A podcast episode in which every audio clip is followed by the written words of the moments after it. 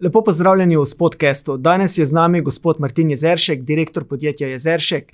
Gre za družinsko podjetje, ki je izjemno uspešno na področju gostinstva, so najboljši v Sloveniji v tem, kar počnejo, ampak s tem se še ne bodo zadovoljili. Želijo si med najboljši v Evropi.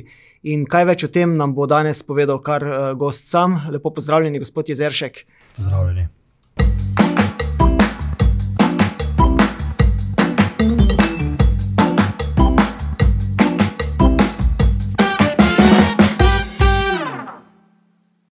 Za začetek, mogoče vprašanje, ali ste se pravilno štempljali, zdaj, ko so nova pravila, ko ste se odpravili na podcast, da ne bo že kakšna inšpekcija prišla? uh, verjetno ne, ker je to kar težko doseči uh, v tej situaciji. Uh, ja, je kar, kar konfuzna vsa ta stvar. Uh, ampak iskreno povedano, se s tem ne obremenjujem, kaj preveč. Kaj pa nasplošno menite o tem, kakšne ukrepe bi morala država sprejemati? Eh, na področju gospodarstva. Ste eh, zadovoljni s tem, kakšna je klima in v katero smer se zadeve odvijajo? Moram iskreno povedati, da nisem zadovoljen. Um, predvsem boli, bom rekel, ta birokratizacija, o kateri se sicer ogromno govori. In, uh, bom rekel, jaz običajno ne rad govorim o stvarih, se, o katerih se že tako veliko govori, ampak vseeno, to je, to je dejansko uh, neka bolečina, ki jo podjetja, podjetniki imamo, ravno ta primer tega zakona je, je um, še en dodaten primer te dodatne birokratizacije, pa cel kup nekih stvari se trenutno se, se v njih govori in tako naprej. Jaz mislim, da bi bilo treba smer malo obrniti. Tako kot v poslu, v osnovi, um, vsakemu poslovnemu partnerju, sodelavcu, in tako naprej, uh, je potrebno zaupati, ko se izrabi to zaupanje, oziroma ko pride do, do nekega dejanja, ki, uh, ki lahko. Bom rekel, da neko senco dvoma na, na, na, na neko verodostojnost posameznika ali podjetja, potem pa seveda uh, to nadzorovati preko inšpekcijskih služb in tako naprej. Tako da se mi zdi, da je povsem nesmiselno, da se paušalno kaznuje, birokratizira vse. Uh, Um, na mesto, da bi, bi, bi, rekel, se, bi se inšpekcijske službe fokusirale uh, tja, kjer, kjer že nadaleč nekaj smrdi. Hm. Kako konkretno vi, kot gostinec, občutite to birokracijo? Lahko mogoče kakšen primer, ki vas ki najbolj bode v oči, eh, omenite? Um, recimo na področju gostinstva je vsem jasno, celi Sloveniji je jasno, da uh, uh, večina gostinstva, večina gostincev deluje v neki uh, sivi coni. Um, po vseh, uh, javno, po vseh statističnih analizah ne bi bile plače v gostinstvu uh, najniže, uh, oziroma vsaj med najnižjimi v državi, istočasno.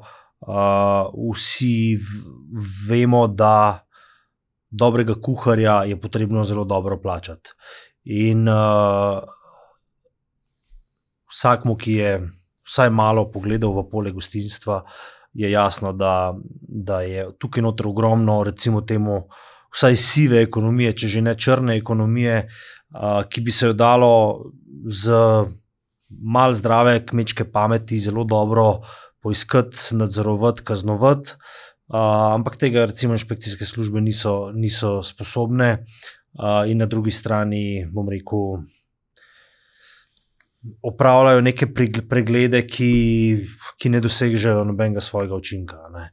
Um, ne vem, če bi en inšpektor odprl iPad, pogledal gostinska podjetja, kjer je povprečna plača.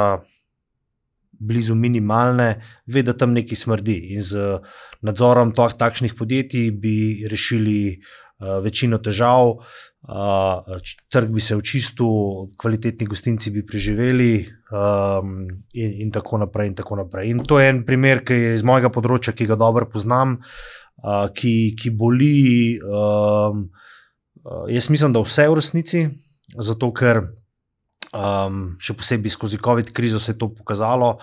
Uh, um, kuhar, natakar, ki je pri nekom zaposlen na minimalni plači, potem pa del plače dobiva na roke, uh, ni socialno varen. skozi COVID krizo ni dobil tistega. Uh, nadomestila, ko je bil na čakanju na delu, in to je tudi razlog, da je ogromno kadra šlo iz industrije, uh, in tako naprej. In uh, zaradi tega bom rekel, smo tudi tisti, uh, uh, gostinci, ki želimo vse delati uh, regularno po predpisih, manj konkurenčni, ker enostavno uh, nekoga plača 1500-2000 evrov, stane bistveno manj kot, kot tebe, ki želiš stvari delati regularno. No. Tako da to je en tak primer. Ki verjetno bi se dal, bi lahko vsak podjetnik v svoji branži, ga, ga mogoče malo drugačnega zornega kota predstavil, in uh, In to je tisto, kar, eh, kar v bistvu na nek način boli. Ne. Hm. Kaj pa davki? So davki v Sloveniji previsoki? Um, zdaj, jaz nisem strokovnjak na tem področju. Uh, ko slišim neke primerjave s tujino, vem, da na nekaterih področjih uh, niso, niso, bom rekel, so pod povprečjem, nad povprečjem Evrope in tako naprej. Kar je zagotovo res, je, da predvsem plače so bistveno preveč obremenjene in to se spet uh, nazaj navezuje na tisto, kar sem prej povedal. Zaradi tega, um, bom rekel, mali gostinci, mali obrtniki iščejo luknje v sistemu uh, na kreativne načine. Uh, in v resnici država zaradi tega verjetno pobere manj davkov, kot bi jih, uh, če bi, če bi um, bila tukaj bolj življenska. Uh, vi ste sicer eh, s 25 leti že postali direktor družinskega podjetja, še predtem pa ste se šolali na eni od prestižnih šol v Švici, delali ste tudi v Londonu. Uh, kaj je tisto najpomembnejše, kar vam je tujina dala? Um, predvsem nek, bom rekel, širši pogled na, na svet, na bom rekel, neko lokalno problematiko, ki, ki je morda za nekoga, ki ni doživel izkušnje izven Slovenije, um, jo, jo, ne, jo vidi samo z, z enega zornega kota, medtem ko nekdo, ki je vsaj nekaj časa preživel, delal, se šolal v tujini, uh, uh, se mi zdi, da lahko gleda in rešuje. Probleme na, na, na več različnih načinov. To je zagotovo uh, pomembna stvar, Um, še ena zelo pomembna stvar, ki sem jo dobil, predvsem na tem študiju v Švici, je uh, mreža kontaktov praktično po celem svetu. Gre, gre se namreč za eno najboljših, če ne najboljšo šolo z področja hospitality managementa, se pravi vse, kar je povezano z. Storitveno dejavnostjo, oziroma turizmom, um, in dejansko zaradi tega imam tudi veliko informacij in uh, lahko hitro pridobim, bom rekel, nek drugačen pogled, uh, kako se neki problemi rešujejo v tujini. In uh, bom rekel, to, to, to je res velika dodana vrednost. Ne. A v tujini uh, sicer drugače obravnavajo te branže, turizem, gospod, uh, gostinstvo, kot pa v Sloveniji? Um, prav, pravzaprav, ja, že, že sama osnovna definicija. Ne, v, turini, v tujini se govori o hospitalitiju, uh, medtem ko v Sloveniji se govori o. o pravzaprav ni, ni primernega izraza za vse, kar uh, študij ali pa dejavno uh, industrija hospitality um, zajema v, v nekem mednarodnem okolju. Um, posledično tudi šolski, šolski sistem ni prilagojen um, vsemu temu, kar recimo nek mednarodni uh, šolski ali pa program z področja hospitality uči. Tako da tukaj je, je spet nek, nek gap nastal, oziroma neka uh, ja, drugačnost, oziroma drugače se opredeljuje, zajema industrija kot v Sloveniji. Um, Um, posledično tudi, ne vem, je težko delati neke primerjave za, za tujino, recimo neke že čisto statistične primerjave uh, um, v dejavnosti turizma, gostinstva, v primerjavi z hospitalityjem, ki je širši pojem, niso relevantne. Tako da tukaj bi bilo to smiselno na nek način tudi v Sloveniji poenotiti z nekim mednarodnim standardom. No. No, po vrnitvi v Slovenijo eh, ste potem prevzeli družinsko podjetje eh, in postali šef, direktor trem svojim starejšim bratom. Pa me zanima, kako to poteka, kako funkcionirajo ti družinski odnosi. Ja, pravzaprav kar zanimivo. No. Um, to zagotovo zahteva nek nivo zrelosti uh, vseh upletenih. Um, bom rekel, sploh na začetku je bilo potrebno veliko nekega pogovora, da, da smo uh, znali uh, razumeti vse te vloge. Predvsem se pravi, je potrebno v glavi razumeti, da uh, bom rekel, danes je lahko, naprimer, moj brat, moj podrejeni.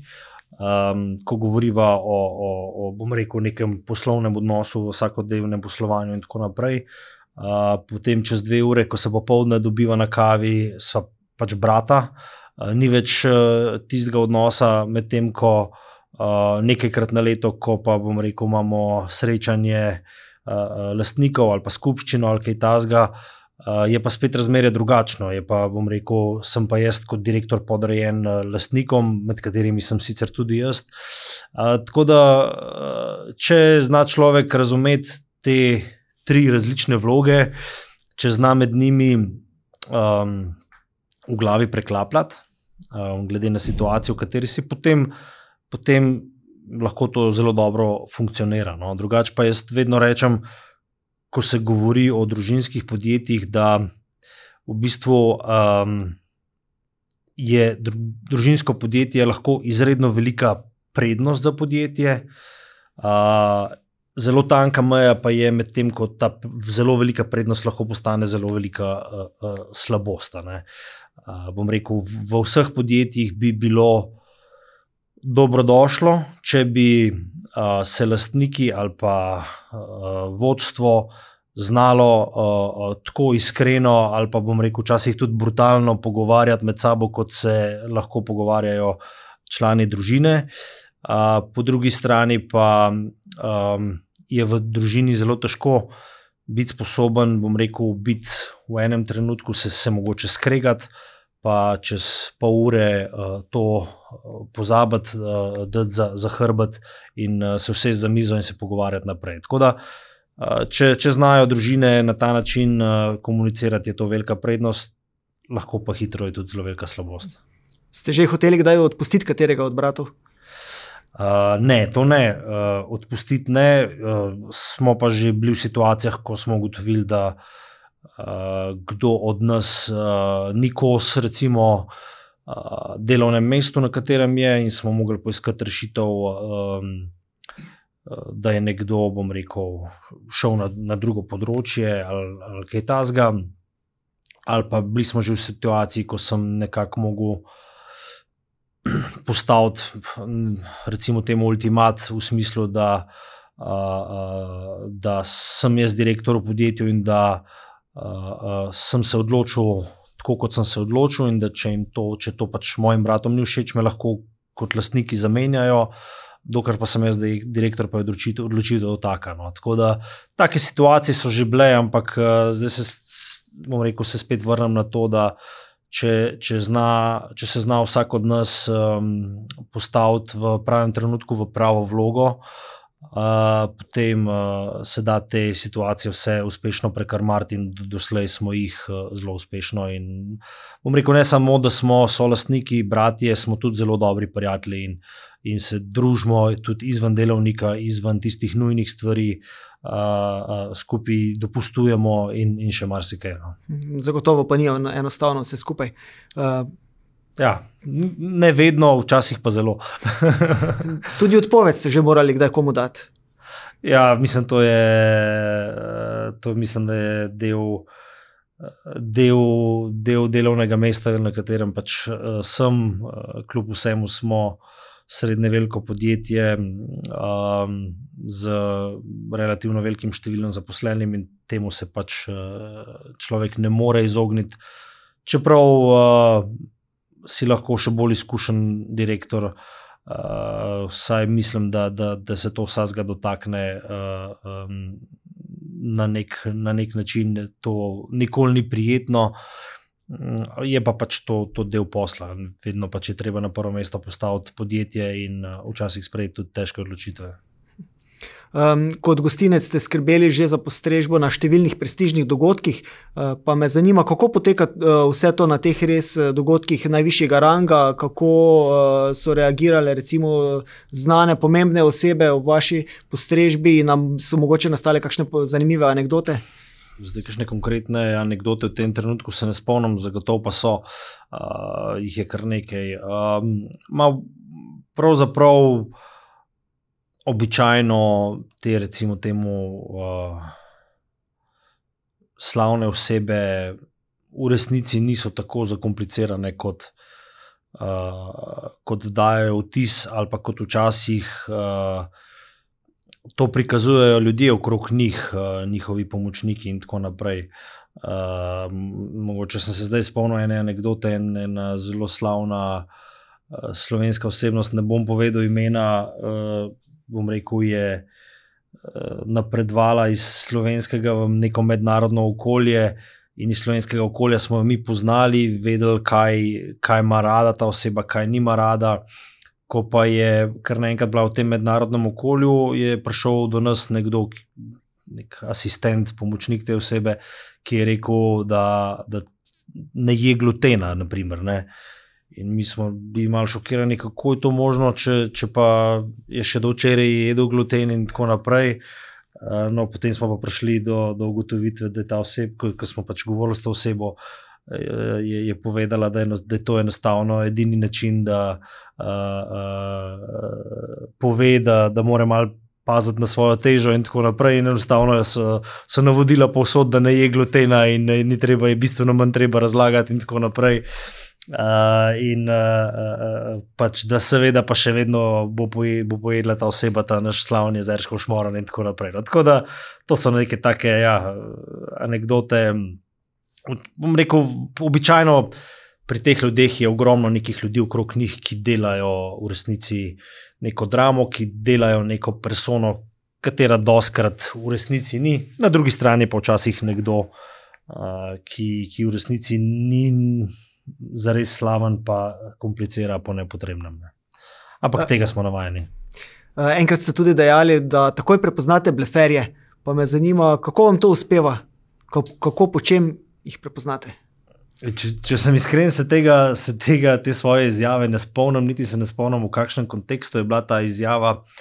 Um, zdaj, ena od teh možnosti je, je, da, je, da, je, da je bila ta izjava v smislu, uh, sodelavcev oziroma uh, ja, nekih ljudi, ki, ki pridejo na razgovor in uh, bom rekel, želijo prodati sebe oziroma um, ja, sebe prodati in uh, mislim, da pred tem, pred tem dejansko sem kar uh, uspešen, da prepoznam, kdo, kdo je v tem, kar govori, iskren, pa kdo ne. No. Ampak uh, še enkrat, iskreno se ne spomnim te, te izjave. Da, to je bilo v enem pogovoru za delo, ampak mogoče, če lahko poveste, je kakšen znak, mogoče, po katerem prepoznate nekoga, da, da blefira, da ni ravno popolnoma iskren v tem, kar govori.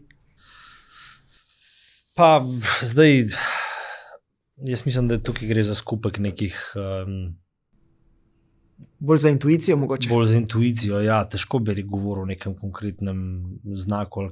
Ja, verjetno, verjetno neka intu, intuicija. Če gremo naprej na uh, Mišljenove zvezdice, to je zdaj pomembna tema v slovenski kulinariki.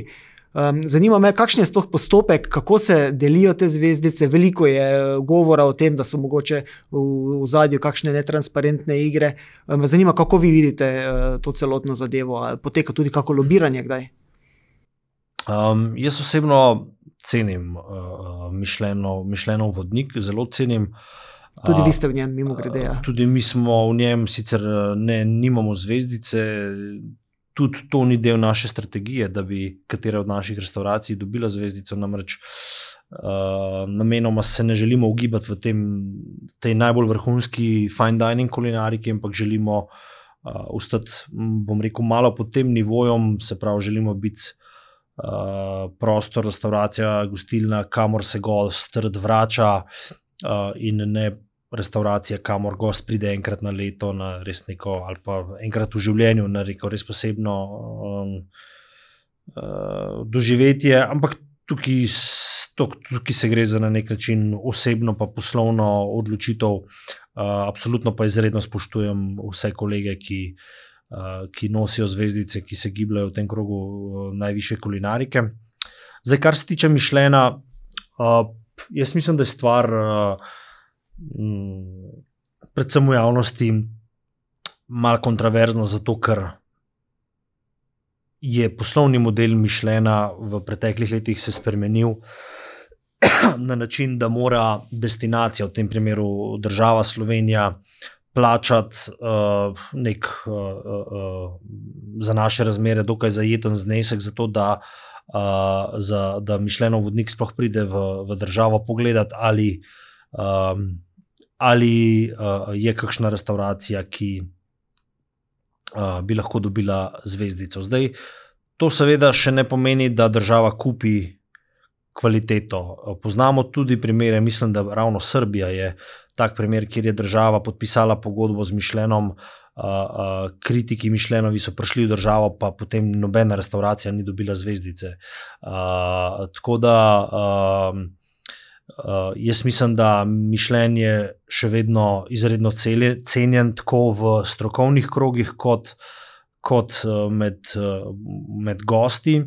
Uh, to, da država plača tak znesek, je absolutno smiselno. Um, namreč uh, blagovna znamka Mišljeno, oziroma Mišljeno zvezdice, je tako pomembna in cenjena, da to prinese tudi uh, marsikaterega, pripelje marsikaterega gosta v državo in to ne kar katerega koli uh, gosta, predvsem pripelje v državo goste, ki so pripravljeni plačati za dobro storitev veliko denarja, kar pomeni, da to za sabo potegne. Uh, večjo dodano vrednost, uh, boljše poprečne cene, ne samo v tej restavraciji, ampak v destinaciji. Uh, tako da Uh, jaz mislim, da je bila to zelo pametna poteza države, da se je za to odločila. Uh, in tudi spet moje osebno mnenje je, da je mišljeno v vodič um, najbolj transparenten med, uh, v konkurenci kulinaričnih uh, vodičev. Marsi, za marsikaterega drugega, bom rekel, se v strokovnih krogih uh, šušlja, da nekdo lažje dobi boljšo oceno kot nekdo drug. Um, morda že zato, ker so običajno pri teh drugih vodnikih uh, ocenjevalci uh, lokalni, torej so prisotni v Sloveniji in ne hote dobijo neko, uh, bom rekel, subjektivno mnenje o eni restauraciji. Boljše, v drugi slabše, slabše, zato ker pač se gibljajo v teh krogih, ker slišijo razno razne eh, komentarje in tako naprej. Medtem ko Mišljen naj bi imel izključno mednarodne ocenjevalce, ki pridejo v državo, ki ne poznajo tega šefa, bolj osebno tega manj, s tem so prijatelji, s tem niso. Uh, in uh, pridejo, bom rekel, bolj objektivni, um, ocenijo, uh, uh, in na koncu pač restauracija je ocenjena, kako je ocenjena. Zdaj, ali je ocenjena uh, dobro ali ne, ali je prav, da nekdo ima eno, dve, tri zvezdice, ali je prav, da je nekdo nima, um, je zopet stvar debate. Pač moramo se zavedati, da um, kulinarika je, je vseeno subjektivna stvar. Uh, nam, nam, recimo, v našem podjetju bistveno več pomeni, uh, povprečna ocena ankete, uh, ki jo naši gostje pustijo uh, pri nas, se pravi, mi vsako, vsak, vsaki pri nas rezervira mize, dobi naslednji dan anketo. In ko gledamo na koncu leta povprečno oceno um, teh nekaj tisoč anket, in če ta kvaliteta uh, napreduje, smo, smo na to bistveno bolj ponosni, um, kot bom rekel, na uh, enkratno oceno enega vodiča, pa ne bo to mišljeno ali katerkoli drug. Skratka, uh, uh, to je pač statistika, večji kot je vzorc, bolj objektivna je statistika. Uh, tako da, um, overall, jaz mislim, da je fajn in potrebno, da je mišljeno v Sloveniji. Uh, to, da se govori pozitivno ali pa negativno, je pa tudi fajn, ker to je vse, vse marketing, reklama, PR. Kaj menite o Ani Roš? Uh, predvsem jo izredno, izredno cenim kot osebo. Uh, sva tudi, uh, uh, si upam reči, prijatelja, uh, se, se, uh, se občasno druživa v prostem času. Uh, me je povabila na svojo poroko in uh, bom rekel, uh, bom rekel jo, jo res v prvi vrsti cenim kot osebo. Um, seveda pa tudi poslovno, karjerno, kajti to, kar je ona dosegla, je, je v globalnem merilu uh, zelo, zelo veliko. Um, in verjamem, da je marsikdo nevoščljiv, ampak v resnici bi mogli biti vsi, vsaj mi, gostinci, za njo zelo veseli, kajti vsi imamo marsikaj od tega. Uh, to, ko nekdo pride v Slovenijo zaradi nje, dejansko ljudje pridejo v državo zaradi uh, hiše Franko, zaradi te restauracije uh, in potem uh, zapravijo denar tudi uh, pri nekaterih drugih ponudnikih, to je za vse dobro. Tako da um, ji vedno znova rad čestitam in, uh, in sem vesel za njo. Eh, ko beseda nanese na prestižne restauracije, je pokos, eh, pogosto debata tudi o velikostih porcij. Zdaj, mnogi se sprašujejo, je to normalno, da greš v neko uh, drago restauracijo, plačaš veliko denarja za tisto, kar tam poješ, ne doma si pa še vedno tako lačen, da si moraš sendvič narediti. Ja, to je, kot že omenjeno, uh, okus kulinarika. Je zelo uh, relativna, subjektivna stvar. Zato jaz te debate običajno ignoriram. Um, seveda, ni fajn, da greš iz restavracije lačen. In če smo čisto iskreni, mislim, da se to tudi ne zgodi. No? Da, skratka, uh, ko sem na zadnje jedel, uh, naprimer v Hiši Franko ali kateri koli drugi od teh, uh, bom rekel, restauracij z visoko kulinariko. Mi je običajno bi celo rekel, da je teh hodov in pa količine hrane preveč. Ne vem, danes tukaj govorimo o 12, 15, 17 hodih, eh, eh, ki jih poje gost v tej restauraciji. Jaz osebno bi prej rekel, da je hrane preveč, da se za me osebno predolgo sedi v taki restauraciji. Skratka, mi je neprijetno, če moram uh, dve pa pol, tri ure jesti neko brok. Uh, ne bi se pa strinjal, ali pa vsaj v večini primerov, da grem lačen iz teh restauracij. No, to je pač neka, uh, neka taka fama, ki se je ustvarila v družbi. Um, zaradi tega, ker pač na fotografijah se običajno pojavi en krožnik, zelo malo hrane, uh, in ljudje to primerjajo z uh, njihovo nedeljsko destinacijo, kjer je hrane uh, na enem krožniku veliko. Uh, skratka, tukaj, ko govorimo res o visoki, najvišji kulinariki. Se ne gre za prehranjevanje človeka v tako restauracijo, ne gre za to, ker bi se rad najedel, ampak uh, bom rekel, gre iz podobnih razlogov, kot gre na nek uh, koncert, kot gre v umetnostno galerijo in tako naprej.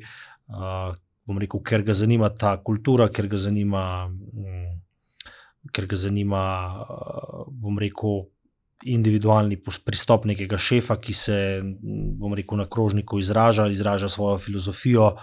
Uh, tako da ni potrebno sploh primerjati uh, visoke kulinarike z, z vsakdanjim kosilom ali pa večerjo. Uh, veliko je debat tudi o sprejemljivosti tega, da nekateri gostje uh, v gostilnah hrane, ki je recimo otroci ali pa oni sami ne pojedo do, do konca, uh, da prosijo na takarja, da jim zavijajo za seboj, za domov. Pa me zanima, kakšno je vaše stališče do tega. Je to primerno, če ljudje tako ravnajo, ali je to neuljudno, nekulturno, kaj mislite?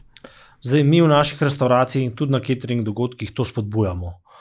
Uh, res je, v preteklosti je, je bilo tega veliko, pa potem se je spet uh, ustvarila neka, neka, neka fama okrog tega, da uh, ljudje to, da ni lepo, da se to jemlje domov in tako naprej.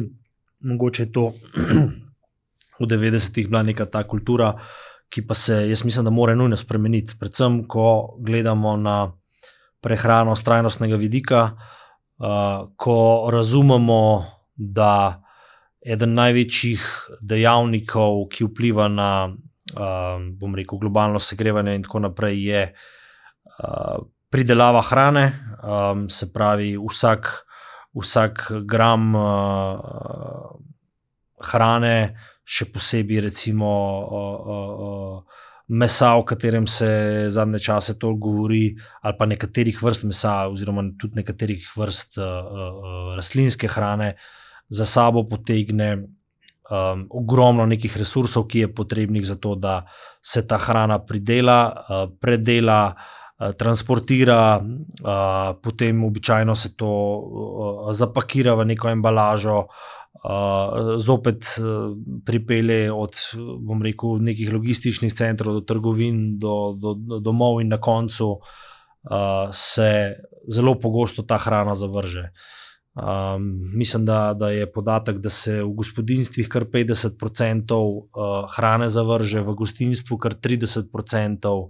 Uh, in uh, uh, mislim, da obstaja podatek, da če ne bi, če ne bi, če bi uspeli vzpostaviti sistem, kjer se hrana um, ne meče v smeti, je, imamo dovolj resursov, da nahranimo uh, praktično cel svet. Tako da ta kultura zavijanje hrane za domov je, je jaz mislim, da dobra. Jaz osebno uh, z veseljem vzamem v gostilni uh, ostanek hrane za domov, s tem uh, mogoče prehranim en obrok, prehranim uh, konc koncev denar, uh, predvsem pa, pa je tukaj pomemben ta trajnostni vidik. Uh, zaradi inflacije tudi cene v restauracijah rastejo. Pa me zanima, Koliko ste, recimo, vi pripravljeni plačati za eno pico v centru Ljubljana, koliko se še vam zdi neka primerna cena? Zdaj, moje osebno mnenje, ali pa kako sem jaz pripravljen plačati, v resnici uh, uh, ni pomembno, ali pa ni, ni primerno, ni pravo vprašanje. Um, strinjam se, da so cene v zadnjih letih uh, precej zrastle. Strinjam se, da so o, nekje v Ljubljani te cene visoke, ampak e, dejstvo pa je, da je to pač uh, uh, tako deluje tržno gospodarstvo. Um, in uh, bom rekel, ta nevidna roka trga. V resnici bi morale biti cene v restauracijah še više, kot so. Uh, zakaj? Predvsem zaradi na začetku omenjenih uh, obdavčitev uh, plač. Um, jaz trdim, da bi rekel 80% uh, uh, delavcev v turizmu, vsaj del plače, uh, dobi izplačano na roke, kar pomeni, da uh, še vedno, uh, uh, bom rekel, se ne plačuje vseh davkov državi. Če bi, če bi vse plače bile izplačene regularno, bi mogle biti, plače, bi mogle biti cene v restauracijah uh, še više, kot so. In, uh, in uh, istočasno se pa strinjam, da so previsoke, ne? kar spet kaže na to, da, kar, o čemer smo govorili na začetku, da je obdavčitev. Uh, uh, Poslovanje v gostinstvu pač ne primerna. Mm, poznamo različne modele obdavčitve, mislim, da v Avstriji restauracije plačujejo neke paušale, glede na število sedežev. Uh, vemo, da uh, je to zdaj drugi ekstrem, ki, ki ne govorim, da je primeren, da v Ameriki so vsi natakari uh, na minimalni plači, hkrati pa so neobdavčene napitnine. Uh, skratka, vedno, ko primerjamo um, cene v restauracijah v Sloveniji z cenami v neki drugi državi, uh, moramo razumeti, da v zadju je nek drugačen sistem obdavčitev in tako naprej. Uh, še, vedno, še vedno pa je počrto uh, gostinska panoga, nažalost, panoga z zelo malo dodane vrednosti. Um, tako da, um, ja, tukaj so, so, so cene pač so cene visoke, uh, in če bi vsi delali vse po pravilih, bi mogli biti še više, nažalost. Uh, vaša vizija vašega podjetja je sicer, ne, da se uvrstite med deset najboljših uh, ponudnikov cateringa v Evropski uniji. Pa me zanima, je to tista ambicioznost, ki mogoče nasplošno manjka nekoliko slovenskim podjetnikom? Uh, mislim, jaz mislim, da smo slovenci kar ambiciozni. Če pogledamo športnike, če pogledamo znanstvenike, zdravnike in konec koncev tudi podjetnike. Um, sam sem član kluba slovenskih podjetnikov, kjer, kjer bom rekel, srečujem kolege, ki imajo res izjemne zgodbe podjetniške, um, ki, ki dokazujejo to, da um, smo slovenci sposobni marsikesa um, in da, da bom rekel, smo, smo ambiciozni. Vsem je pa nekako skupno, da pa, bom rekel, okolje ni, ni najboljša platforma za dosegati vse te, vse te uspehe. Če pogledamo športnike, ki jih vsi, um, s katerimi se tako radi pohvalimo, uh, um, ki naj bi bili promotori naše države in tako naprej. Dejstvo je, da najuspešnejši športniki plačujejo davke v, v, v tujini, imajo naslove prijavljene pač tam, kjer je to davčno ugodnejše. Uh, in če bi se slovenski podjetniki obnašali podobno, bi bilo to za, za državo zelo, zelo slabo. Uh, in na drugi strani se, se te podjetnike istočasno uh, na njih gleda dokaj negativno, kljub temu, da ustrajajo in, in delajo v Sloveniji. Tako da, če se vrnem nazaj k vprašanju, jaz mislim, da ambicioznosti nam ne manjka. Um, vsi pa bi potrebovali boljše pogoje, zato da lahko to ambicioznost uresničimo, tako športniki, kot znanstveniki, kot na koncu koncev podjetniki. Uh, in k temu bi mogla stremeti naša, naša država. Kakšne načrte imate za prihodnost, kako se nameravate prebiti med najboljše v Evropi? Zdaj, jaz uh, mislim, da med najboljšimi že smo. Uh, ni pa nujno, da si uh, med najboljšimi in hkrati tudi uspešen. In to je, to je tisti uh, težji del enačbe. Um, predvsem, predvsem nikoli ne, ne sprejemamo kakršnih koli kompromisov, ko, ko govorimo o kvaliteti. To se mi zdi, da je ključno za to, da se v naši dejavnosti lahko prebijemo med najbolj, bom rekel, ne bom rekel med najboljše, ampak bom rekel med najbolj uspešne. Um, skratka, delo na kvaliteti, na drugi strani. Um, Optimizacija poslovnih procesov, optimizacija uh, um, načrtovanja dela, uh, bom rekel, inovativnost pri, pri poslovnem modelu in tako naprej. To so stvari, ki, ki potem lahko pripeljajo od, od želje do, do realnosti. Uh, seveda je pa dejstvo, da, da, da na koncu pa. Uh, zato, da nekdo postane zelo uspešen, pa na koncu potrebuje tudi malo mal sreče, biti uh, na pravem mestu, v pravem času. Um, Ampak eh, vseeno, pa zato, da si lahko na pravem mestu, v pravem času, moraš iti od doma, moraš iti uh, na teren, recimo temu. Tako da predvsem delamo na tem. No. Iščemo priložnosti, vedno smo odprti za vse priložnosti, vsako priložnost skrbno preučimo. In uh, bom rekel, morda je v našem poslu včasih težje zavrniti eno priložnost, kot jo, kot jo sprejeti. Um, Uh, tako da, ja, pač treba, je biti, uh, treba je imeti jasno strategijo, jasen načrt in sprejemati uh, tehne odločitve. Glede na to, da smo v prazničnem času, me zanima, kaj bi vi svetovali našim poslušalcem in gledalcem, ki pripravljajo morebiti novoletno zabavo, kaj naj postrežejo, kako naj poskrbijo za svoje goste. Ja, jaz bi jim svetoval, da nas na naši spletni trgovini pogledajo naše, naše pakete, eh, ki jih lahko naročijo domov in si s tem olajšajo novoletno, novoletno druženje. Eh, to je malo mal za hec, malo za res. Eh, drugače pa, pa jaz mislim, da jaz osebno zelo uživam v, v tem, ne, ne da kuham za moje goste, ampak da kuham skupaj z mojimi gosti. Tako da uh, sploh te praznični, praznični obroki, ko ima človek v resnici cel dan časa za to. Se pripravi, jaz mislim, da ne smejo zgledati tako, da nekdo cel dan kuha, kuha se pripravlja, potem pa vse izmučen. Uh, bom rekel, takrat, ko gostje pridejo, omaga. Um, jaz uh, doskrat naredim tako, da se s prijatelji dobimo, mogoče na tržnici, gremo skupaj, skupaj v nabavo, si razdelimo naloge, sku, kuhamo skupaj, vmes je dobrega, spijemo, se družimo in, in to je to. Uh, jaz mislim, da za me osebno je uh, najpomembnejši del uh, obroka, tudi priprava obroka, kuhanje in tako naprej. Uh, sploh, sploh za te praznike. Tako da to bi bil moj nasvet, da, da ljudje zavihajo rokave in skupaj z, z najbližjimi kaj dobrega skuhajo.